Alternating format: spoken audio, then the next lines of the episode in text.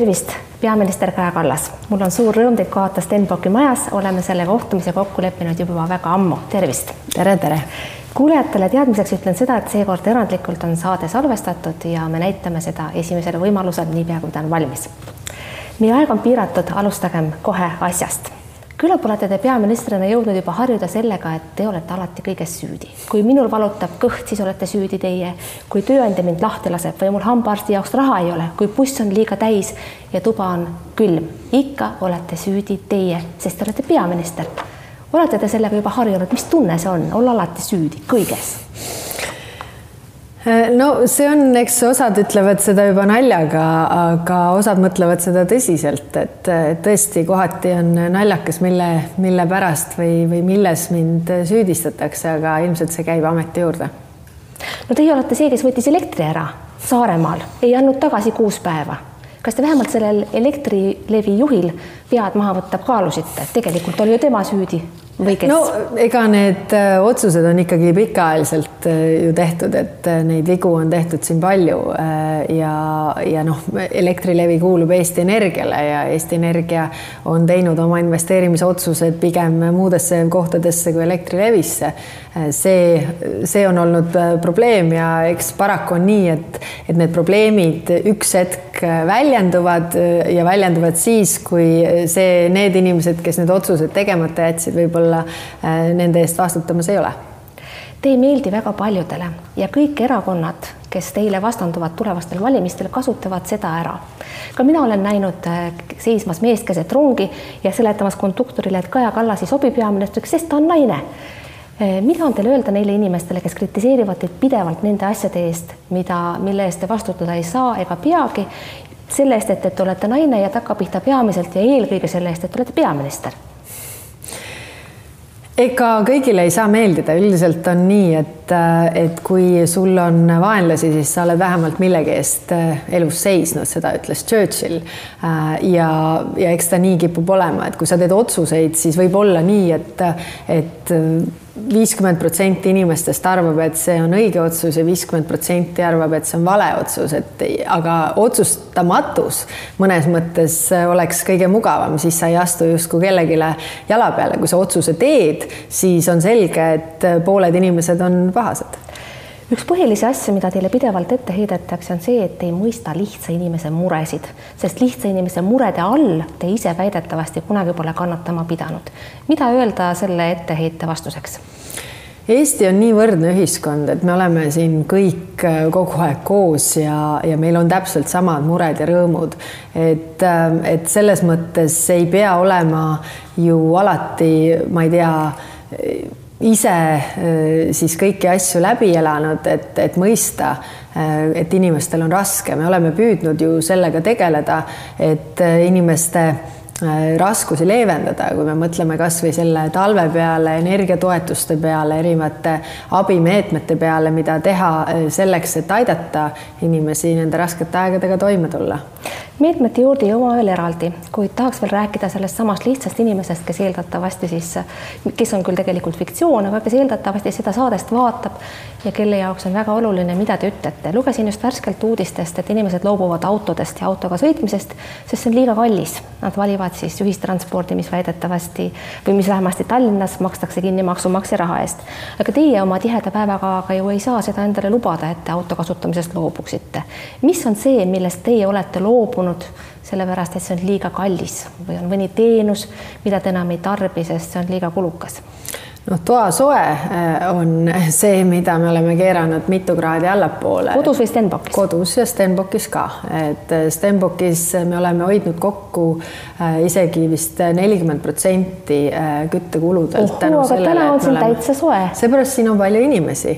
kui on palju inimesi, siis on toad soojemad, aga täna ei puhu ka sealtpoolt tuul, et et see oleneb, et noh, meil on siin üsna, üsna jahe mitu kihti riideid on seljas, aga saab täiesti kenasti hakkama, ei ole midagi hullu. ja kodus olete kampsunis? kodus olen kampsunis ja villastes sokkides. või nii teisest küljest olete te maailmas erakordselt tuntud, meil ei ole olnud peaministrit, kelle sõna nii palju tähele pandaks ja nii kindlasti kuulataks nagu teie oma maailmas. ja te kuulete maailmas väga sageli seda, et meil teil siis peaministrina ja Eestil riigina on olnud õigus, eh, eelkõige siis Putini Venemaa suhtes. mis tunne see on suhelda maailma vägevatega, kogeda tunnustust ja koguni tunnistust, et teil on alati olnud õigus. mismoodi see tundub? Oh, ega see mingit ju rõõmu ei paku olukorras, kus Ukrainas käib täiemahuline sõda, et see, et me ütlesime, et nii võib juhtuda, ei anna mingit leevendust sellele, nendele piinadele, mis praegu toimuvad või, või nendele kannatustele, mis on. et ega see mingit otsest rahuldust ju ei paku see on töö osa, loomulikult on see hea, et meid kuulatakse ja, ja meie sõna maksab. ma arvan, et see väikesel riigile on hästi oluline ka siis püsimiseks, mitte ainult, et kuskil on mingi riik, vaid see riik on tegelikult reaalsed inimesed, reaalsed inimesed, keda teised otsustajad ka tunnevad ja, ja, ja mõistavad ma olen ka püüdnud rääkida noh, väga palju just ka toonud neid isiklikke kogemusi, et ma ei räägi nii-öelda tavalisi jutupunkte, vaid illustreerin seda, mida see tegelikult meie inimeste või Ukraina inimeste jaoks tähendab, tulenevalt meie ajaloost ja, ja seda öeldakse, et, et seda noh, kuulatakse. Kui lubate, ma siiski poen teile veel kord lähemale ja küsin, kuidas maitseb võim, mis tunne see on olla võimul ja olla võimekas, olla võimestatud, olla see, keda kuulatakse? see on nii keeruline küsimus selles mõttes, et äh, ega me ju valitsuses teeme iga päev tööd äh, selle nimel, et äh, teha õigeid otsuseid ja, ja otsuseid, mis siis viiksid Eesti elu edasi ja, ja noh, Euroopa või maailma tasandil noh, samamoodi otsuseid, millel oleks mõju, et, et ma ei oska seda nagu muud moodi öelda, et see on töö nagu iga teine. sa teed seda lihtsalt noh, väga suure pinge all, see on tõsi. ja see, mis te ennem ütlesite, on ju ka tõsi, et, et ükski teine töö võib-olla ei ole nii suure tähelepanu all, et kõik selle kohta midagi arvaksid ja sinu isiku kohta äh, samamoodi. aga, aga noh selle töö nagu plusspool on see, et, et ikkagi Eesti parimad pead, pojad ja tütred ju töötavad äh, nende lahenduste nimel ja, ja selle töö käigus sa võid saada ka väga targaks, kui sa kõiki neid asju loed ja kuulad. ja kuulamine on oluline. aga ikkagi, no ma küsin natuke teistmoodi, kas keegi teine teie asemel võiks seda tööd teha sama hästi või on pigem nõnda, et ajaloo, ajalugu kinkis selle võimaluse teile, sest te olete parim? kuidas sellega on? Kas keegi teine võiks olla sama hea? ma arvan, seda peaksid hindama, hindama teised, et äh, mis on minu pluss kindlasti, on äh, minu Euroopa Parlamendi töökogemus, seal äh, ma õppisin kuulama ähm, teisi, teistest riikidest pärit inimesi ja nende ajaloolist kogemust, ma arvan, et, et see on väga oluline oskus, noh, lisaks, lisaks keelteoskusele, aga, aga jah, seda peaks hindama teised, et igalühel on omad tugevused, omad nõrkused siiski selline vastuolu on teiega seoses nagu tekkinud või see on läinud käibele, et teil läheb maailmas erakordselt hästi, kodus seevastu ajab üks häda teist taga. minu meelest on see muidugi lihtsustus, aga ikkagi, kuidas seda seletada, et selline vastuolu on saanud kõlapinda ja levib, hoolimata sellest, kas tal on mingisugune tagapõhi ja. või ei ole no hea uudis on see, et äh, kui sa suhtled teiste peaministritega, siis kõigil on täpselt sama sama, et äh, või noh, neil, keda võib-olla väljaspool nii palju ei teata, võib-olla seda, seda teist poolt ei ole, aga, aga üldiselt on, on kõigil Äh, kodus ikkagi äh, keeruline just sellel samal põhjusel, et kõik need probleemid, mis on, äh, nende eest sa vastutad, kõiki probleeme sa ei suuda ära lahendada, tulevad uued probleemid ja uued jamad ja, ja noh, nii edasi, et et, et selles mõttes see on tegelikult üsna, üsna tavaline kui algas sõda Ukrainas, ütles Ukraina president Zelenskõi, et ta ei vaja mitte küüti, vaid laskemoona, millega ta sisuliselt ütles välja selle, et ta on valmis surema oma riigi ja maa eest. kas ka teie olete selleks valmis? kui sa sellel positsioonil oled, siis loomulikult. meie liitlased ei karda tegelikult praegu mitte midagi muud rohkem kui seda, et konflikt ja sõda Ukrainas Äh, eskaleerub konfliktiks NATO ja Venemaa vahel. ja järjest enam on tunda ühelt poolt siis tüdimust ja teiselt poolt selle sõja tüdimust ja teiselt poolt ka kartust, et Ukrainal läheb äkki liiga hästi või ulatub mõni Ukraina pomm üle Venemaa piiri kuidas, kuidas saate teie kindel olla, et kõik see, mida liitlased meile ütlevad, on tõsi ja nad, et nad ikka päriselt panustavad ja mõistavad, sest kui nad panustaksid rohkem, oleks tegelikult Ukraina võinud võita juba mm. ammugi ja no sellest tuleb järjepidevalt rääkida, ma olen öelnud ka seda, et, et kujutage nüüd ette, et kõik, kes annavad praegu relvi, äh, ka õhukaitset, äh, oleks andnud neid relvi juba jaanuaris, nii nagu meie andsime. see pilt oleks olnud hoopis, hoopis teine, ma arvan, et palju inimelusid oleks võinud säästa.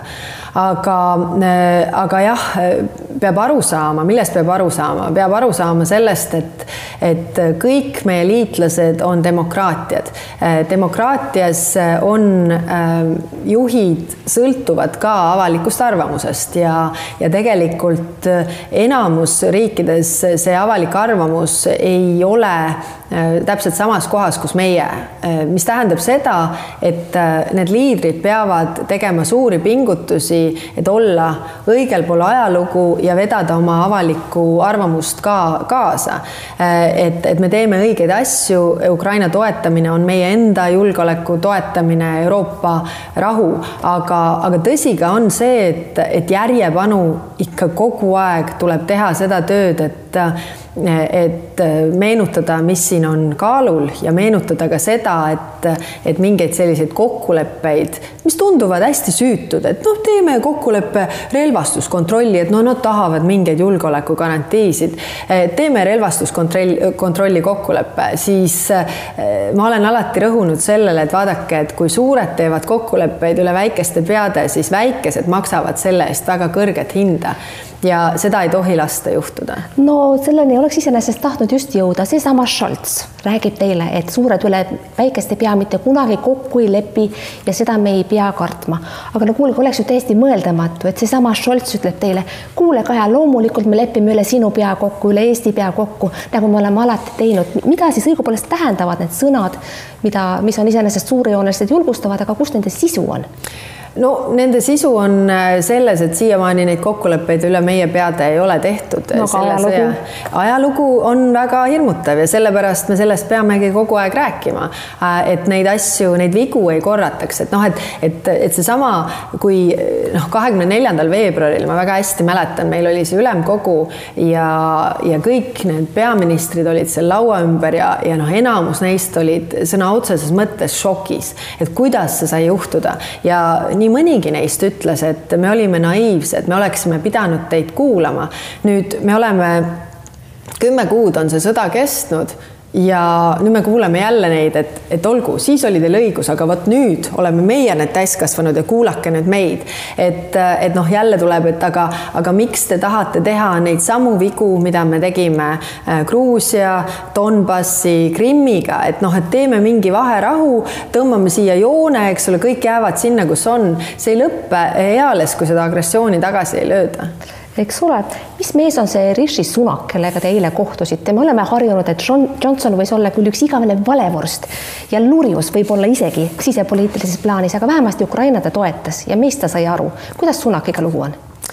Äh, Sunak, minul oli ka esimene kohtumine temaga ja see oli hästi hea kohtumine, me tõesti saime ka palju aega koos veeta, sest me lendasime tema lennukiga siis koos Riiast eh, Eestisse. Eh, väga sümpaatne inimene ja, ja tundub, et kuulab ja, ja on valmis hoidma sedasama liini, mida on hoidnud ka Johnson no ma pean ikkagi küsima lühidalt ka Macroni kohta, kes räägib kogu aeg sellest, kuidas Putini nägu tuleb säilitada.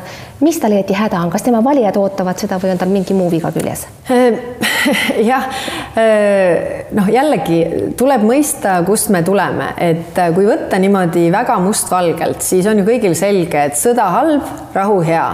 Aga eh, see, mida me olemegi seletanud lahti, on see, et peale teist maailmasõda oli meil ka rahu, aga rahu siinpool raudset eesriiet tähendas seda, et inimesi küüditati, eh, inimesi piinati, meie kultuuri suruti alla, üritati hävitada. see on seesama sama, mis juhtub rahu puhul okupeeritud territooriumitel, aga nende kogemus rahust ongi see, et sõda sai läbi, kõik hakkasid ehitama üles oma ühiskondi, oma majandust, oma inimeste heaolu, see on üdini positiivne asi, aga rahul ja rahul on ka vahe.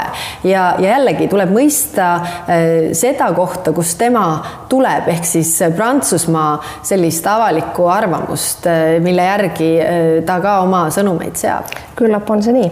tahaks rääkida hästi lühidalt lääne sanktsioonidest ehk siis eelkõige nendest kolmesajast miljardist eurost, mille Euroopa Liit nii teie kui ka Ursula von der Leyeni sõnul Äh, on blokeerinud ja on neid suunamas Ukraina ülesaaitamiseks, kuid on selline organisatsioon nagu Atlantic Council ja see näitab väga selgesti, et tegelikult see ei ole nii, lääs isegi ei tea, kust kolmsada miljardit asuvad täpselt, võib-olla saja miljardi kohta teab, aga suurema osa kohta mitte. miks ajate udu koos Laianiga mõlemad?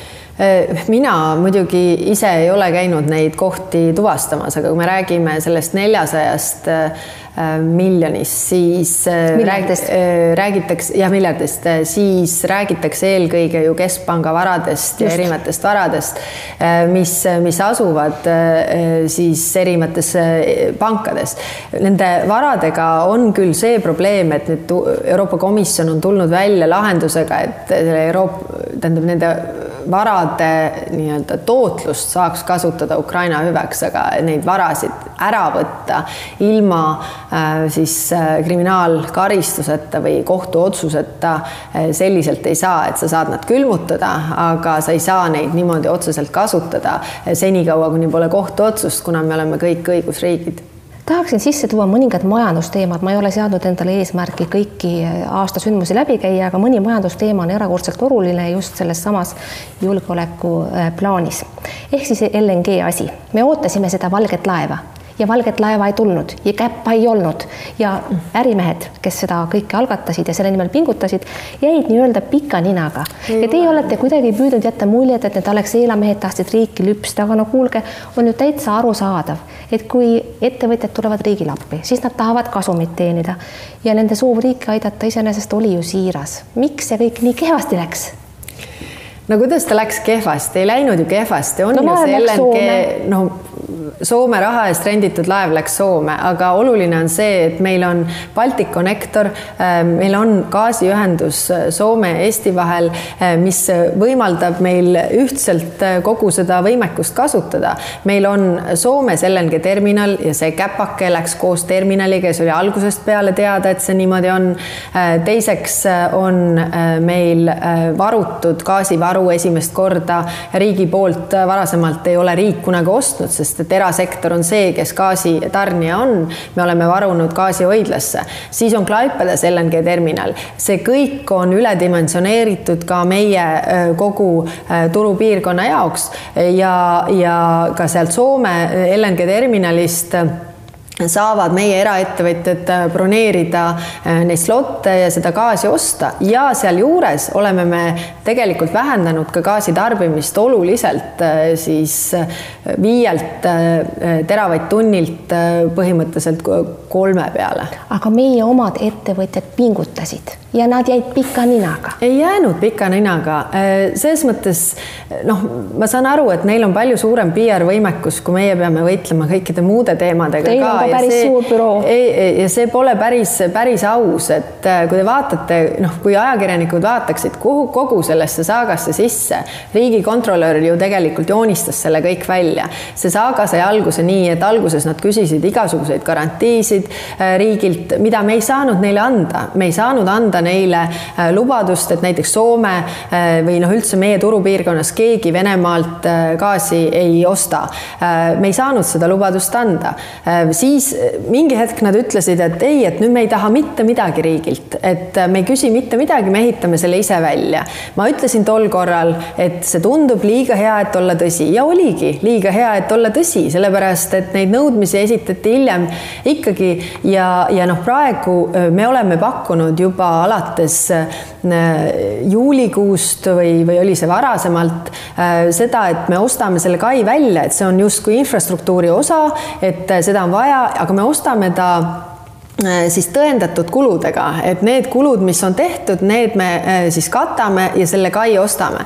noh, sellega ei olda nõus, et noh, et ettevõtja ei ole ju mitte midagi kaotanud, kui ta saab oma kulud tasa, et need etteheited ei ole lihtsalt äh, õiged. Teie valitsuse ja ettevõtjate vahelistest suhetest kõneleme veel vahepeal veel, veel üks kord, kuid enne tahaksin veel küsida, kuidas on lugu selle Danske trahviga Louis Freeh on täna Postimehes kirjutanud pika arvamusloo selle kohta, kuidas meie nüüd näeme seda trahviraha täpselt sama palju kui oma kõrvu ja see on hirmus suur eksitus.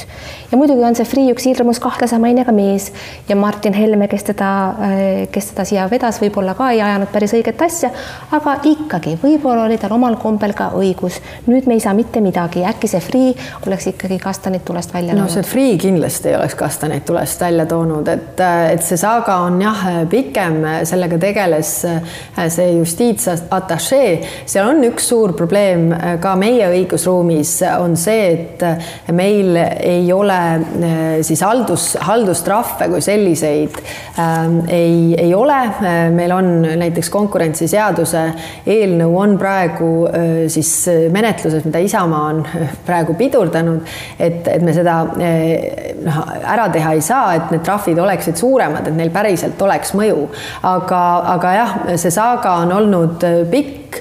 Äh, mida oleks täpselt pidanud veel äh, tegema, peaks jah küsima nende inimeste käest, kes on sellega olnud seotud, ma pean tunnistama, et, et mina sinna väga palju oma aega ei pühendanud, lihtsalt nii palju muid teemasid on olnud. hästi, ka mul on veel päris palju muid teemasid. jõuakski selle teie valitsuse ja ettevõtjate vastuolu juurde. väikesi ettevõtjaid riik toetab energiakriisis, kuid suuri mitte ja teadaolevalt on suurtel ettevõtetel ja nende juhtidel rusikas vastu, täitsa taskusse teie vastu selle pärast. kuidas see olukord on ikkagi tekkinud? pikema aja jooksul on ju Reformierakond olnud nimelt see partei, kes väidab ennast ettevõtjaid mõistmast ja nüüd on teie, teie valitsusel kujunenud ettevõtjatega päris tugev vastasseis. kui Järvan ikkagi välja ütles, et suuri ettevõtteid ei toetata, siis päris paljud äh, juhid, omanikud said kurjaks Järvan ei ole Reformierakonnast. ja, aga tema on tegelikult ainus minister teie erakonnas, kes võiks reformierakondlase nime kanda, sest pikema aja jooksul on ju ettevõtete, suurte ettevõtete mittetoetamine olnud äh, Reformierakonna lipukiri, kuigi te olete väitnud, et ettevõtjat te mõistate hästi ikkagi Järvan ei ole meie erakonnas. jah, aga teie valitsus, ta on teie valitsuse liige. jah, ta on valitsuse liige. Äh, noh, selles suhtes, mis on muutunud, äh, muutunud ei ole võib-olla meie, aga muutunud on ettevõtjad, kui varasemalt äh, konkureerisid ettevõtjad ikkagi peamiselt sellepärast, et nad olid efektiivsemad või, või kellel oli parem idee, siis nüüd mulle tundub kohati, et ettevõtted konkureerivad ainult toetuste peale. see on muutunud, see on muutunud Covidi ajal noh, kogu maailmas on see muutunud ja see ongi võib-olla ka raske sellise joone hoidmine, et, et noh, see toetuste maksmine, see on ikkagi ühest taskust teise äh, maksmine, see võetakse nendelt samadelt ettevõtjatelt ju maksudena äh, omakorda ära. et, ähm, et noh, toetustega paraku on nii, et need, kes saavad, ütlevad vähe, need, kes ei saa, ütlevad, et valed saavad ja kokkuvõttes on kõik, kõik pahased. Äh, ma olen ettevõtjatega kohtunud ja öelnud, andnud neile sellise ülesande, et aga, teeme, noh, te olete kõik ettevõtjad äh, siin, äh, et äh, teeme sellise ülesande, et on näiteks noh, võtame üks miljon või kümme miljonit või sada miljonit toetused. kuidas te lahendaksite selle niimoodi, et saaksid need, kellel oleks tõeliselt vaja, et see oleks õiglane ja inimesed oleks rahul, ütleme, et see on noh, piiratud summa ja, ja päris huvitav on neid arutelusid siis vaadata, milles nad jõuavad lõpuks sinna, et sellist valemit pole võimalik teha. kui öeldakse, et toetused peavad olema kõigile toetused peavad olema mõjusad ja maksud ei tohi tõusta, siis neid kolme asja üheaegselt ei ole võimalik saavutada. teate, mina olen viimane, kes arvab, et te peaksite kõiki kogu aeg toetama ja suurettevõtteid iseäranis, aga millele ma tegelikult viitan, on praegu see tekkinud vastuolu, mis on, mis on hämmastav ja teiseks ka sellele, et teie, teie juhitav valitsus tegelikult teeb asju, millele teie võib-olla oma liberaalsete veendumuste pinnalt otseselt alla ei kirjutaks, sest suuri te ei toeta, aga väikesi toetate lahkelt. universaalelekter on teil olemas ja kõik kõik sellised põhilised lubadused, mis praegu nagu ellu viiakse, see võitlus punamonumentidega ja siis äh, see haridus, mis teil on Isamaaga kahe peale, et sealt tõmbavad pikema kõrre teie koalitsioonipartnerid ja teile sisuliselt Reformierakonnale ja teile peaministrina jääb eelkõige siis peaministri koht ehk võim, juhtiv roll valitsuses, aga mingeid konkreetseid oma lubadusi te ju ellu ei vii selle valitsuse jooksul. no äh, vaatame tagasi, kuidas see valitsus üldse alguse sai, see sai alguse sellest, et äh, me eelmises valitsuses saatsime Riigikokku eestikeelse hariduse eelnõu ja siis meie koalitsioonipartner hääletas sellesama seaduse vastu, mis siit välja läks.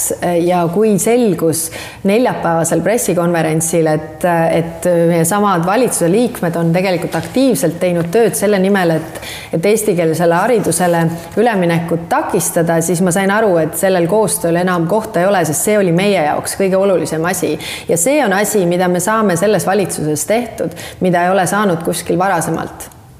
ja Isamaa kirjutab selle suuremalt jaolt enda arvele noh, vaatame toetusi, et äh, toetust ei, ei, ma mõtlen äh, erakondade toetusi, et, et nad võivad ju äh, sellest rääkida, aga fakt on see, et meie teeme selle ära, et, et ja oleme selle ära teinud. ja see lõputult suur lapseraha, mida Isamaa jagab teie valitsuses, teie ju seda ei teeks, kui te ei peaks tegema. jah, jah, see on kompromiss selles mõttes, et, et me olime ju selles osas täitsa üksi, et tol hetkel äh, olid ju äh, keskerakondlased, kes andsid selle äh, Isamaa eelnõu sisse, kuhu kõik rõõmsalt, ka sotsiaaldemokraadid ja EKRE kirjutasid alla. Äh, ehk siis me olime täiesti, täiesti üksi selles küsimuses. nii et, äh, et jah, iga kompromiss on see, et keegi pole lõpuni rahul ja see tähendab, et keegi pole saanud täielikult seda, mida siis soovitakse kas teile ei tundu, et võib-olla kõige rohkem neid vana hea Reformierakonna ideid kannavad praegu parempoolsed? Neid ei mõisteta kuigivõrd, kuna nad ei ole mõjukad ja see jutt, mida nad räägivad, ei meeldi praeguste kuulajate kõrvadele, kuid vahel ma olen mõelnud, et teie sobiksite oma veendumuste poolest, mida te selles valitsuses rakendada ei saa, nimelt seda pisikest erakonda juhtima kõige paremini ja auesimeheks nad võiksid võtta Papa Kallase, kas pole nõnda? No lihtsam oleks neil liituda Reformierakonnaga. olete kutsunud? see on, olen kutsunud küll ja olen kutsunud ja tulemus on siia no,? tulemus on see, et Eestis on selles mõttes naljakas, et väga palju kohtab seda suhtumist, et vot, et sinuga ma teeks küll, aga vot mulle ei meeldi see teine, kolmas inimene sinu erakonnas. ma alati ütlen, et, et äh, sul ei ole võimalik teha ühtegi organisatsiooni, kus sulle kõik inimesed eranditult meeldivad. ka uues erakonnas tuleb sul inimesi, äh, kellega sul ei klapi, aga tähtis on see, et äh, kus sa siis saad oma asjad tehtud ja, ja, ja kuidas noh, kokkuvõttes purjetatud, nii et ma endiselt kutsun parempoolseid meie ridadesse ja, ja seda asja ajama ma pean natukene tähelepanu nüüd pühendama kõige inetumale asjale teie valitsuse jooksul, mis on siis äh, rahandusminister Keit Pentus-Rosimannuse lähetamine kontrollikotta. mul ei ole ühtegi etteheidet tema isikule, et, et ta ei sobiks või et ta ei võiks seda ametikohta täita, kuid on päris ilmne, et see asi oleks väga palju parem näinud välja siis, kui ta ei oleks läinud sinna rahandusministri positsioonilt. miks lasksite tal saada rahandusministriks teadmises, et ta seda kohta soovib?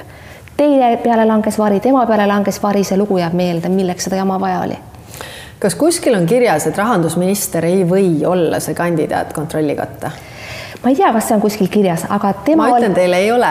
see tema... ei ole mitte kuskil keelatud. hästi, aga tema oli see, kes pidi esitama kandidaadi. Ja ülejäänud me juba teame, eks ole, ta sõitis välismaale, lasi esitada oma erakondlasel, see nägi halb välja Te oleksite pidanud seda ette nägema. seal ei noh, selles mõttes au tuleb anda muidugi meie koalitsioonipartnerile, kellel oli nii-öelda oma lehm ojas ja kes suutis ajakirjandusega nii sujuvalt üles kütta koha pealt, kus tegemist oli poliitilise kokkuleppega, poliitiline kokkulepe, mis, mis selliste ametikohtade puhul käib, antud juhul me leppisime kokku, et me seda küsimust hääletame. Äh, ja, ja see kõik äh, töötas nii, et äh, teate, nagu seda juttu ka, te olete, seda mis... juttu te olete rääkinud korduvalt. Ja, ja ausalt öeldes mina kindlasti Isamaa mõju all ei ole selles küsimuses. Ja mulle tundub, et kui te tarvitate selles kontekstis sõna poliitiline kokkulepe, siis te devalveerite selle mõiste tähendust. Ja ma olen päris kindel, te teete seda teadlikult, miks? Poliitiline kokkulepe tähendab muud. mida poliitiline kokkulepe tähendab? poliitiline kokkulepe tähendab äh, mingisuguste poliitiliste küsimustes kokkuleppimist, mitte isikutes. poliitiline kokkulepe tähendab poliitiliste debattide tulemust erakondade vahel. aga, kas... aga mitte era, mitte erakondlikku määramist. kas äh, valitsuse moodustamine on poliitiline kokkulepe või ei ole? me langeme praegu sellesse olukorda, kus me püüame rolli vahetada. ei, aga, aga tegelikult, äh, kas valitsuse moodustamine, kes saab millised ministriportfellid, on see poliitiline kokkulepe või mingi muu kokkulepe? ma arvan, et see on juba selle poliitilise kokkuleppe sõnapaari devalveerimine. aga miks, ma ei saa, ma ei saa aru sellest, tõesti. kui asi läheb, poliitiline kokkulepe võiks tähendada põhimõtteid, poliitilisi põhimõtteid, milles lepitakse kokku, mitte personaaliat. valitsuse kokkuleppimine on siis mis asi see tähendab tegelikult praegu ka selle debati devalveerimist, mis meie vahel on ei, aga ei, kui ma tõsiselt, ma tahan täitsa tõsiselt aru saada, et mis asi siis on see, kui me lepime, istume erakonna juhtidega Poliitiline... kokkuleppele või istume maha Poliit... ja lepime kokku, kes millise positsiooni saab, mis kokkulepe see on, mille, kuidas te seda sõna, sõnastate? ma arvan, et selleks võiks leida mõne teise sõna kui poliitiline kokkulepe. poliitiline kokkulepe võiks rääkida põhimõtetest, printsiipidest aluspõhimõtetest, mitte personaaliast. aga valitsuse moodustamist nimetate kuidas? Nimetage, kuidas tahate, aga te tegelikult saate aru, millest ma, millest ma ei räägin. saa, ma tõesti ei saa aru. siis on kahju. ma tegelikult lootsin, et saate, aga kui ei saa, siis tõmbame siin joone alla, sest meil on ka veel teised küsimused. räägime lähenematest valimistest. Teie tõmbasite käima selle suure vastanduse EKRE ja Reformierakonna vahel ja teie olite esimene, kes seda tegi. see oleks võib-olla tekkinud loomulikul viisil, aga teie tõmbasite selle käima ja isegi president pahandab nüüd teiega. miks te seda tegite, milleks säärased lihtsad vastandused? Ehm, kui me vaatame ehm, kõiki teemasid, siis me oleme ehm, EKRE-ga totaalselt erinevates äärtes ja minu meelest eriti arvestades neid väljaütlemisi, mis puudutab sõda, mis puudutab meie julgeolekut, siis see on väga selge valik, et kes siis moodustab valitsuse. Martin Helme ei varja absoluutselt seda, et ta loeb hääli kokku koos EKRE, Isamaa ja Keskerakonna Keskerakonnaga, seda ta on oma volikogu äh, kõnes välja toonud, nii et see tegelikult on äh, kahe erineva suuna valimine, kas äh, Eesti on avatud, sõbralik, läänemeelne riik või Eesti on selline tige endasse tõmbunud, kõiges ainult omakasu otsiv riik, kellel liitlasi ja sõpru ei ole, minu meelest on need väga suured erinevad valikud Teie loomulikult EKRE-ga valitsust ei moodusta ja seda Reformierakond ei tee, kuni teie seda juhite. kuivõrd te olete valmis selleks olukorraks, et läheb nagu kaks tuhat üheksateist, valimiste võitja ei moodusta valitsust ehk te võite küll seekord valimised võita, aga võib juhtuda, et valitsuse teeb keegi teine. kuivõrd te rehkendate sellega? Eks äh, ikka, nagu ma ütlesin, kuna Martin Helme rehkendab kokku nii Isamaa kui, kui Keskerakonna EKRE hääli, et eks me vaatame, kuidas need kaalud, kausid siis lähevad. Äh, no me teeme väga palju tööd sellega, et, äh, et meil oleks ka koalitsioonipartnerid järgmine kord või peale valimisi, et, ähm, et ma arvan, et ka mina isiklikult olen oma vigadest õppinud eelmistest valimistest ja, ja, ja püüan hoida seda, et kõik võimalused oleksid ikkagi, ikkagi lahti, välja arvatud EKRE, sest EKRE-ga tõesti meil seda ühisosa lihtsalt ei ole, ma arvan, et seda ei ole võimalik näha, kuidas me seda leiaksime. no aga Keskerakonnaga läheb ka raskeks. esiteks, te viskasite Keskerakonna valitsusest välja, mis te arvate, et Jüri Ratas on teile andestanud. teiseks, te olete Jüri Ratast korduvalt avalikult solvanud, väitnud, et tal pole mingeid kompetentse. lõpuks astusite isegi sellisesse ämbrisse, et hakkasite kaasa tundma tema naisele seal tantsusaates. no kuidas võis midagi nii rumalat teiega juhtuda? No ma väljendasin äh, seda, mida ma tundsin, äh, võib-olla empaatiliselt äh, vaadates, pannes ennast naise olukorda, aga ma ütlesin, et see oli ebaõnnestunud ja ma vabandasin selle pärast ka. et, ähm, et noh, las see jääb, see on huvitav jah, et te loete üles kõiki asju, justkui mina oleksin, ma tõesti ei ole solvanud teda ega tahtlikult püüdnud kuidagi, kuidagi solvata ega, ega riivata, aga mõni on lihtsalt tundlikum kui, kui mõni teine, et, et kõiki neid ütlemisi või, või tegusid minu suunal vist üles ei loeta, et mina pean selle lihtsalt ära kannatama. no nagu ma juba alguses viitasin, teie peaministrina olete alati kõiges süüdi. aga veel kord Jüri Ratasest, et äh, see on arusaadav, et võib-olla ta ei ole unustanud seda koalitsioonist väljaviskamist ja tegelikult äh, on täiesti selge ka olnud pikema aja jooksul poliitikas, et teie viis erakonda juhtida ja poliitikat teha äh, ja Jüri Ratase oma erinevad kardinaalselt ehk siis, et, et te tegelikult oletegi vastandlikud ja sellega te peate elama. kuid jah, aga samas meil oli ka, meil oli ka häid aegu, et, et mul valitsuses olles tundus, et oli nagu kaks Keskerakonda, et oli see Keskerakond, kes oli valitsuses, väga konstruktiivsed ministrid, väga hea koostöö ja siis oli see, kes oli Riigikogus, kes justkui töötas sellesama valitsuse vastu. ma korduvalt äh, kutsusin ka Jüri Ratast valitsusse ja ma ütlen, et, et kui meil olid need sellised koostöökohad, siis me tegime väga hästi koostööd, ma toon lihtsalt näite presidendivalimistest. väga hea oli see koostöö ja meie isiklik klapp ka, et, et see ei ole sugugi, sugugi lootusetu. ei ole sugugi nii, et ei salli Jüri Ratast? ei. hästi hästi lühidalt veel, missugune on mõistlik tasakaal info tasakaaluka edastamise ja inimeste hirmutamise eh, vahel? Te olete kaks korda esinenud avaldustega, mis ka minul löövad hinge kinni. ükskord oli siis enne Madridi tippkohtumist, kui te rääkisite, missugused on kokkulepped parasjagu NATO-ga ja mis meie võib meiega juhtuda, kui sõda algab. ja teine siis, kui te läksite televisiooni ja rääkisite, et elekter võis ära, võib ära minna, hiljem ta läkski, aga mitte sõja pärast. et missugune siin see mõistlik tasakaal on, kas need kaks olid head näited? Äh, need kaks olid mõlemad väga vajalikud näited, et, ähm, et selles mõttes Madridi tippkohtumise eel oli meil nädal aega ja, ja me ei olnud saamas, noh, meie muresid ei võetud kuulda. Äh, ja, ja tõesti tuli rääkida väga selges keeles ja sellel oli mõju, et mul oligi selline huvitav äh, nagu mõnes mõttes kakofoonia sellel sama päeva õhtul oli ülemkogu Euroopas, kus erinevad peaministrid, NATO riikide peaministrid tulid minu juurde, ütlesid Kaja, et appi, et me ei teadnud, et see on niimoodi, et kui see on niimoodi, et me peame kindlasti neid asju muutma. Äh, ja samal ajal, eks ole, ma sain Eestis kohutavalt palju selle pärast sõimata, aga, aga tegelikult noh, Briti kaitseminister Ben Wallace oli seda nädal aega varem välja öelnud ja, ja pärast seda asjad sujusid ja läksid selles suunas, mis oli vaja. mis puudutab elektrikatkestusi, siis, siis noh, võib kritiseerida seda, seda formaati ja, ja kõike, kuidas see, kuidas see välja kukkus, aga kogumis oli see ikkagi õige. lihtsalt, mis mind võib-olla ennast üllatama pani, oli see, et kui, kui äh, Jüri Ratas oli teinud selliseid pöördumisi korduvalt, et sellele sellist nagu reaktsiooni ei, ei tulnud.